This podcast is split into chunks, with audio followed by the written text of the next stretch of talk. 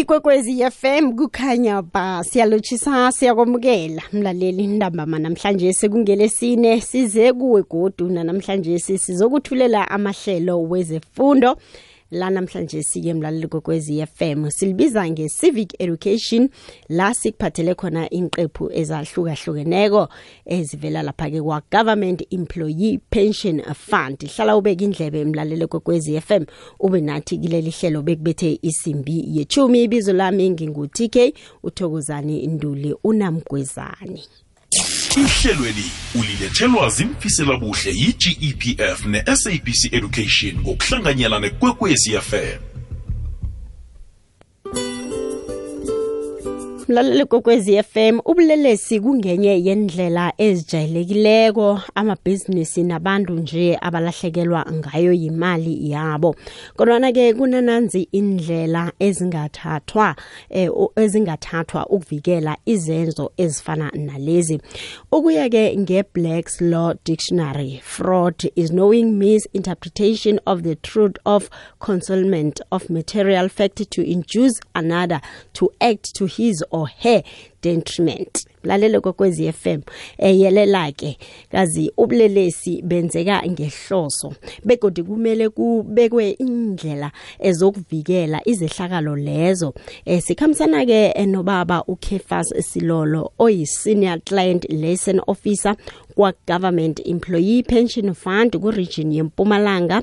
Sizokhulumisana naye ke ngokuvikela ubulelesi kanye nelwazi okungasilo lakwa GPF asibeke indlebe emlalelo kokwezi FM kanti ke nawo zakunikela ithuba ngokuhamba kwesikhathi nawunombuzo nanyana umbono ngendaba esiphethe kole usidosele umtato ku 086000 3278 ngephimbo mgatangiso ugadangisa ku 079413 2172 babusilolo ngiyakwamukela ngiyakulotshisa emhashweni kokwezi FM uvukile Eh sike ngivukile ngithokoze ukuthi eh ngibe khona namhlanje ngibulotshise nomlaleli futhi sike ahake baba silolo nathi sithokoza kakhulu ukuthatha isikhathi sakho namhlanje sindambama uzoba nathi ehlelweni lezefundo. Baba silolo ngikuphi lokho iGPF ekuthatha njengobulelesi?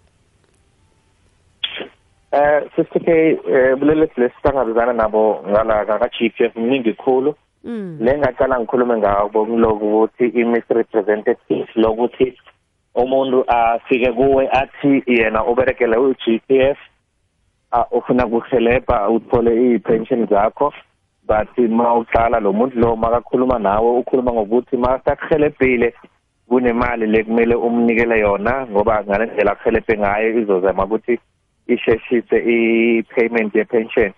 So thina singi-GPF noma sibabereki baka-GEPF umbereko siwenzayo wena sister masukuhelebha nje sukuhelebha ngoba siyabereka semberekweni akungeni imali lapho ngeke sikutshele ngemali. Eh but abantu bakithi wena sister ngoba bafuna into ezikhamba fast. So bagcina nje bangenile kule nto esana ukuthi umuntu uthi ufuna kukuhelebha ebese wena uzombhadala imadlana lethize so umhelebhi lesihlangabezana nabo ngoba labanye sebafikile lapha kwa-GEPF sekamnikele le mali. Uzofika lapho thi lo muntu musu ngihelebhile bekafuna imali. Eh manje ngiyabona ukuthi le mali pension yami ayikabhadaleki noma into le ngibone ukuthi izokhamba kuhle ayikakhambi kuhle. Leli silobo lobo sihlupha kakhulu nje siyilobo bokuthi abantu baziyenze ababereki baka-GEPF labazokuhelebha ngemali. Kepha-ke ngaka-GEPF funa kwazisa amalunga ethu ukuthi masukuhelebha noma singama-client leasing officer ka-JPF thina siyakuhelebha njengababereki ngeke sikwawe nokuthi usinikele imali. Mhm. Ngiyakuzwa ke baba Silolo manje ngikuphi okwenza bona ke eh kube nezihlakalo ezifana nalezi? Eh lokhu kwenza ukuthi kube nezihlakalo ezifana nalezi PK ngathi ngithi abantu bakithi bafuna izinto zabo zikhambe eh ngesikhathi nje sisheshayo khulu. Yakubona lokho. And ngiyacabanga ukuthi ngibo futhi namalunga la ethu laba benza ukuthi ubulelesi bukhambe bube khona ngoba umuntu nawo uyakuvakashela ema-ofisini. Ukuthi ayikho indlela nyana singayenza ukuthi le pension yami ikhambe phasi ngizokona kuthola le mali. So yiko lokho ukuthi abantu labanye sebabona ukuthi eh iyatholakala indlela lebangayiberekisa yokuthi bafune imali ngoba vele wona lamalunga ngokwakho bayafuna ukunikela umuntu imali ngoba bathemba ngokuthi i-pension yakhe izokuhambela fast ukuthi ayithole le mali. Iyazwakala. Ungakhe mhlambe usibeke emkhanyweni nge-legal frameworks mayelana ke nobulelesi kanye nelwazi elingahlogekiko eh kuhle kwa-GPF ya thina elingakatloleki kuhle iye. Ngifuna ukuthi ilwazi elingakatloleki kuhle. Yes. Mm.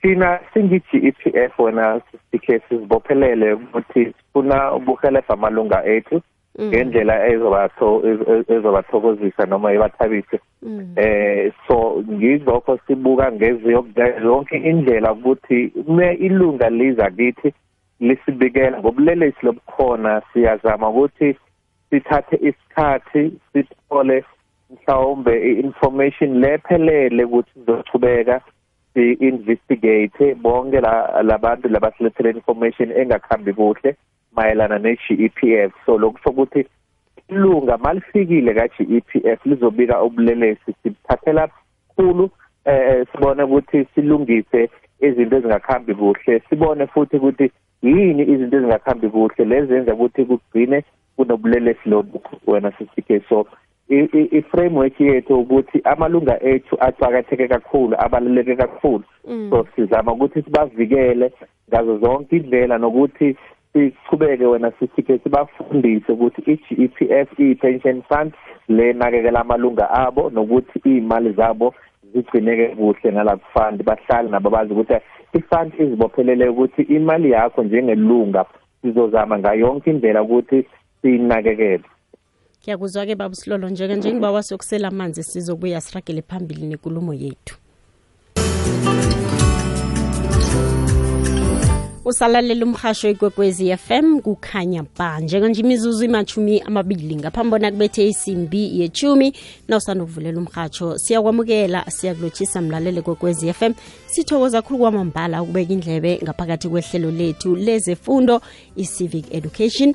La sikhuluma khona-ke ngesikhwama semali yomhlala phasi mlaleli wabasebenzi bakahulumende government employee pension and fund nokuyihlangano kahulumende mlaleli enesithunzi hle eh, begodi-ke etsheja khulu amalunga wayo ehlangothini lezomhlala phasi nenzuzo zonke ezikhona ngaphakathi-ke kwesikhwama sakwa-GEPF namhlanje sisilethela-ke mlalelo kokwez FM isihloko esiqakatheke khulu kwamambala esithi ngikuphi eh, i-GPF ekwenzako ukuvikela ubulelesi nelwazi okungasilo lakwa-GPF ubeka indlebe emlalelo kokwezi FM sikunikela nethuba ke njenganje lokuthi usidosele umtato ku-079 413 2172 awayi WhatsApp leyo ugadangise iphimbo lakho mlaleli. Kanti-ke lapha-ke ku-086 000 3278 kula mlalele kwekwezi FM udosa khona-ke umtato kuzwakele umbuzo wakho ngaphakathi kwehlelo lethu lezefundo. Baba silolo ngithokoze khulu kwamambala-ke ukusibambela ehlelweni lethu. Sirakela phambili njalo-ke khe sicale ukuthi ngimiphi imihlobo eyobulelesi i-gpf ebubone njengobudlange khulu begodi ngiziphi indlela zokuvikela lowo bulelesi?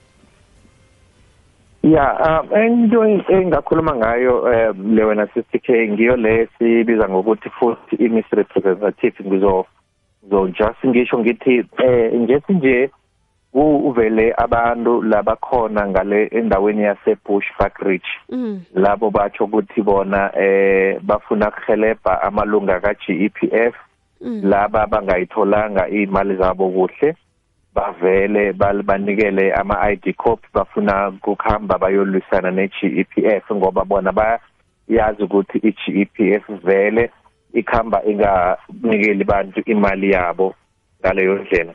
Eh yathi labantu bagijimile wena sisike bayobhalisa lamabizo abo ngaleyo ndlela. So ekuhambeni kwesikhathi labantu labathi eh seba ready mhlawumbe bazimisele ukuthi bangaqhubeka mm. Bafike lapha ePretoria bazolungisa labantu iy'mpensheni zabo.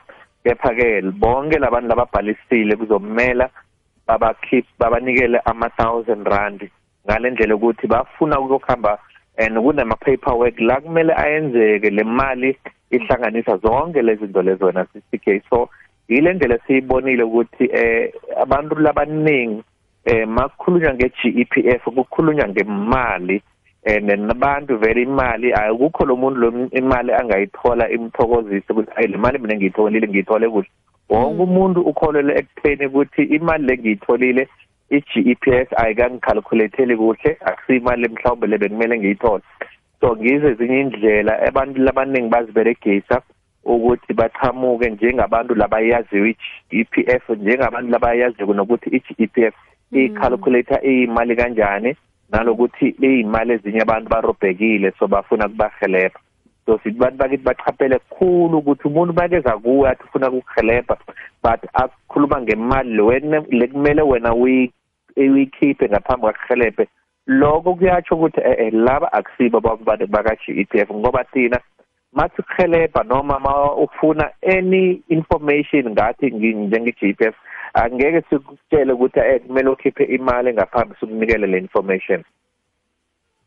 Iyazwakala. 0860003278 ngivulile imtato baba silolo nangumlaleli kwekwezi FM uyadosa. Khe simuzwe bona uthini. Siyakwamukela kukwekwezi yeche akwande njani siyavuka kunjani baba? Hayi siyavuka. Sithokoze. Ya. Umnguni lokhuluma. Sithokoze bamnguni. Ya eh benginomunye bengimhelebha so isihlobo sami. Eh si-terminal e-ATPF so manje eh kwaba ukuthi igcwalisa kwethu amaphepha. Mm. eh then masigcwalisayo then bese-ke masiwasha ku-police state. Bawagcwalisa then bese-ke masibuyela kibo bathi no i-police state abawagcwalisi kuhle bathi amagama la bakuthi angaphumeli ngaphandle. Okay baba. Angazi ubaba silolo unombuzo na? Baba silolo? so manje engicela ukubuza ukuthi mm. ngakuyakhonakala ukuthi si-apply online na? Okay. Baba silolo kukhona mhlawumbe okuzwisisako ngombuzo kababa umnguni? Eh sike bengingamuzi ukuthi ubaba umnguni but lento engizwile ukhuluma ngokugcwalisa amaforomu eh lenga kuhle ukuthi amaforomu ani wena sisike mhlawumbe ongangihelebha ukuthi lamaforomu akhuluma ngawo amaforomu la abizwa ngokuthi one sikokhona ukuthi simphendule kuhle wena. Kodwa nakhona ama ama amaforomo azaliswako achingiswa epolice station? Kunamaforomu lamaningi wena sisike ngendlela lesihlukahlukile mhlawumbe umuntu ufuna agcwalisa iforomu ngabekisa nje le foromu elibizwa ngokuthi i-Z864 eh liyachinga ngale police station kuneforomu la umuntu khona applyela umntwana i-child pension nalo liyachinga ngale police station. So mase babekakhulumile babomnguni ukuthi ngiliphi leli forum bezizokhona ukuthi simhelebhe kuhle. Manje angikamuzi kuhle ukuthi ukhuluma ngale iphi forum okay. Siyathemba ukuthi mhlambe uza kubuya ubaba umnguni baba silolo amalunga womphakathi njengoba bosakhulumisa indaba yobulelesi obudlangileko eh abika kuphi ke ubulelesi? Eh begodi-ke abika njani ubulelesi obu? Yebo sisike thina singi-GEPF sinendlela le bantu bangasibikela ubulelesi ngabo eh ngizokunikela inomboro zethu ma sesivala leli hlelo. But siya ukuthi bantu siyababa ukuthi umuntu makafika ukubika ubulelesi kunenomboro lekumele ayichayele kule nomboro lokuhle ngayo wena ukuthi mawubika lobulelesi akudingeki nokuthi mhlawumbe usinikele ibizo lakho wena nje. Ungabika lobulelesi ebese i-GEPF izochubeka i-investigator and noloku kutsho ukuthi akufaki wena enkingeni eh thina siyathokoza ukuthi mabantu bachamuka basibikela lobulelesi and then bona siyochubeka sibahelebha ngendlela efanele.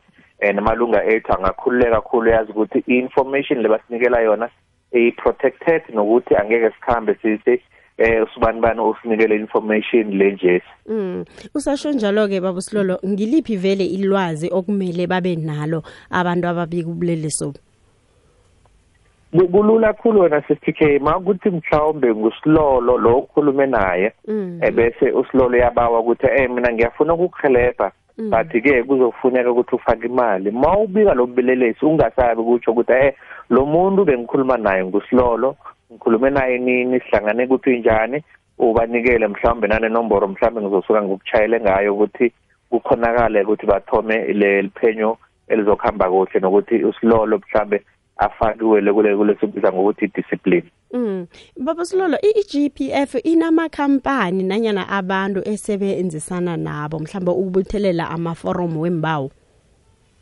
Eh iGEPF izimele wena sister K Mm. iGEPF inala abantu esibabiza ngokuthi ama client liaising officers Mhm. eh ngiba kusilolo Kukhulunywa labo ukuthi ngani. bakhona Mm. ukuhelebha umphakathi Mm. so ayikho lenye ikampani lengaqhamuka ethi ibereka ne-GEPF le mhlawumbe i-GEPF ingawatshelanga amalunga awo Mm. so i-GEPF izimele izikhambela yodwa nama-client liaising officers ayo eh ma ungakhulumi ne-client liaising officer uzokhuluma nomuntu wase-call center noma uzivakatshele ema-ofisini ethu Manje sibabona njani baba Silolo ama client liaison la officer.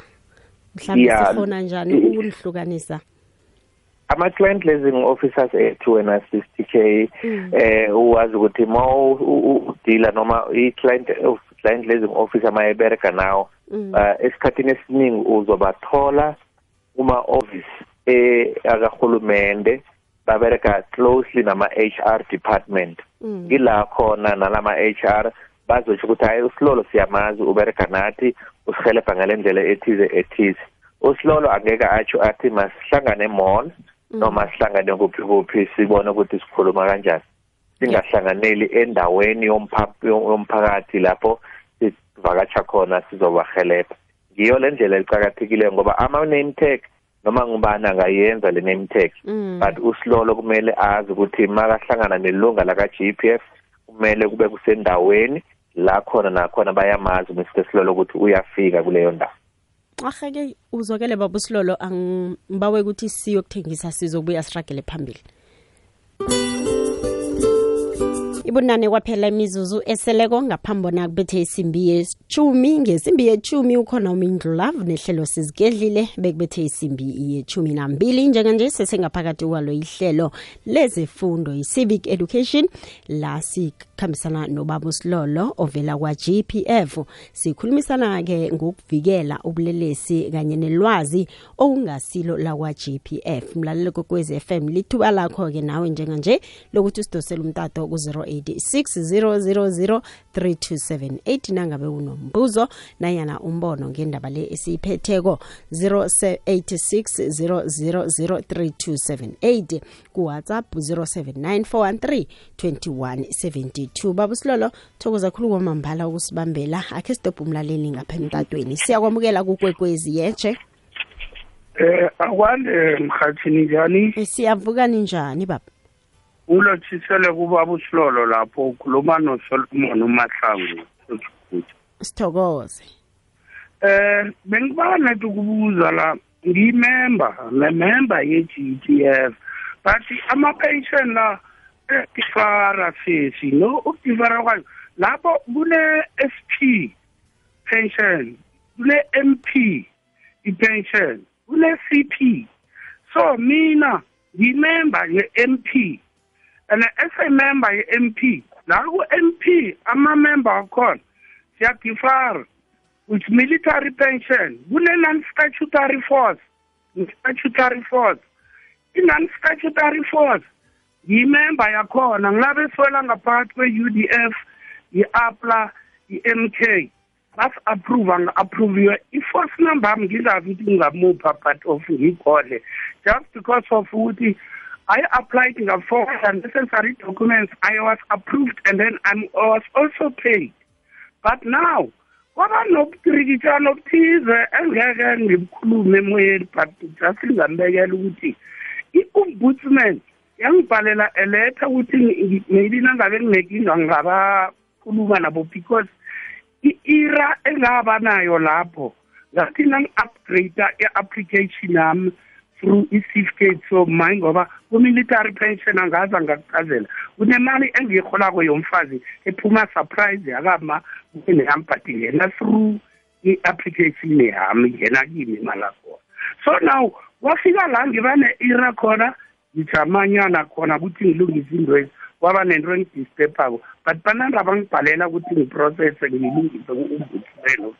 So ngiba umbuza ukuthi ngingenzani sesi for ukuthi ngiprocesse-ke nok ngiye phambili ingayo i-military pension? Because bananda bangibhalela ukuthi ngisemahlangu njengemember ye-g p f but ku-m p and then ku-non-statutory force.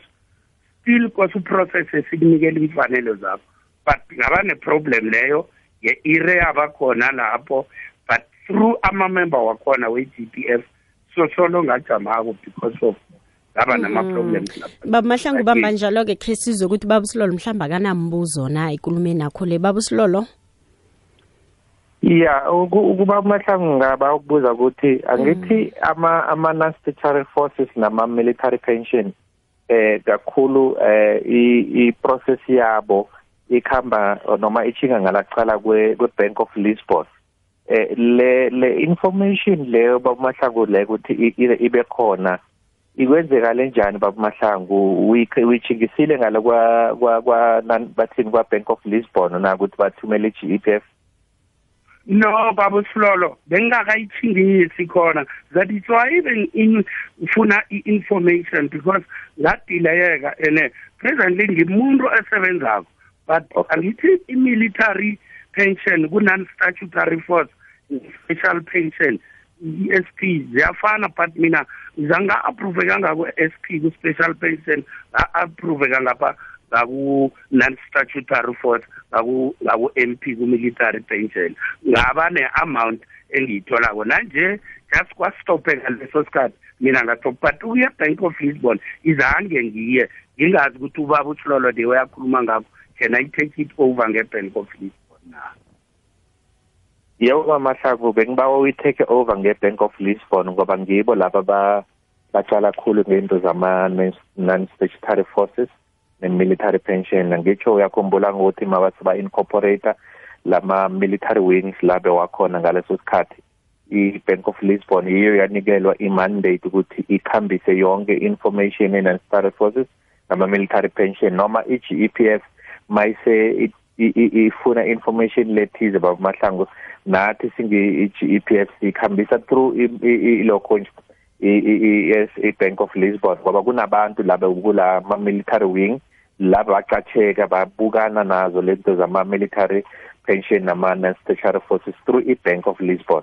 Ngibo abantu bangakhona ukukuhelebha bakutholele nale information le mhlawumbe i-g e p f iyibawayo i-era le khona yebo ngoba ne-medical pension bayi-provide i-medical card inginayo. Izange waba ne-problem and then izange next waba na that era that era yanginikela i-problem and then ngabe sengiyastopha because bese ithoma ungiconfuse but hayi ukuthi ngilisile angaliseleli ngifuna net that information baba uthi lona ngiyathokoza sethi ngiyathokoza lapho mahlangu ukuthokoza mina. Okay. Ahake.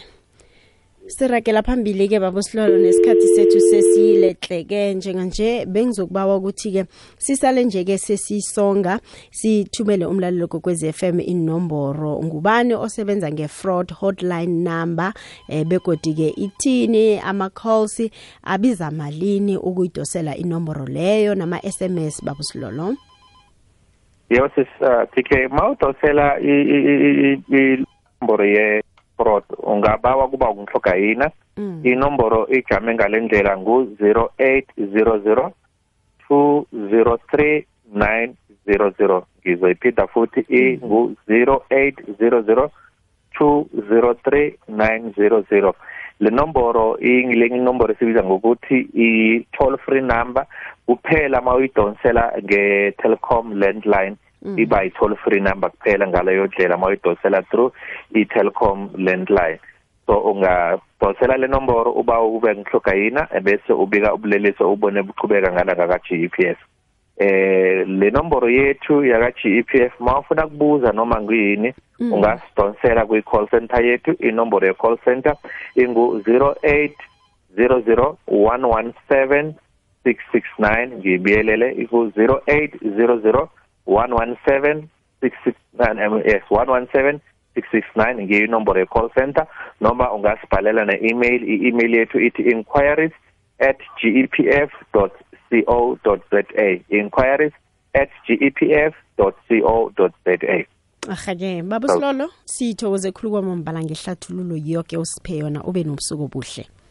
Ngithokoze nami sisithike ahake ahake mlalele kokwezi FM sincancabezeke sengiso isikhathi esalako njenganje. Besigaragela phambili stop imtato wakho ngiyabona ke uyadosa njenganje nalapha ku WhatsApp kodwa sekwala sona ke isikhathi. Khumbula ke iGPF inama regional client service center kizo zolithoba imfunda zesola Africa pha kanti ke nama satellite office alikhomba enzelwe indingo zakho mlalele kokwezi FM ukuthola ilwazi elingeneleleko iGPF inenomboro yasma simahla okuyi 0800 117 669 nawudosela inomboro lemlaleli kokwez FM kusimahla. Kenye nenye ke ifone ye-Telkom. Ungathumela ke i-email ku inquiries at gpf.co za. Nanyana uvakatshele i-gpf website ethi www gpf.co.za i-Twitter handle yabo ithi @gpf_sa Thokoze khulu kwamambala indlebe emlaleli kokwezi FM rakela phambili nehlelo sizigedlile kuzabe kubethe isimbi ye12. utshile umindlulafu ngo-half past 10 wathi bazabe bakhambisana nabafundisi bakhuluma ngedimoni. Bona yini idimoni? Libangelwa yini idimoni? Lihlala kuphi idimoni? Yoke indaba ezabe bayiphethe izabe imayelana-ke namadimoni. Bekindlebe-ke mlaleli mina nawe sokuhlangana kodu ngomvulo kiwo amahlelo wezefundo. Ibizo lami ngingu-tk nduli unamgwezane khambile ihlelweli bewulethelwa zimfiselabuhle yi-gepf ipentsheni yabasebenzi bombuso ne-sabc education ngokubambisana nekwekwezi fm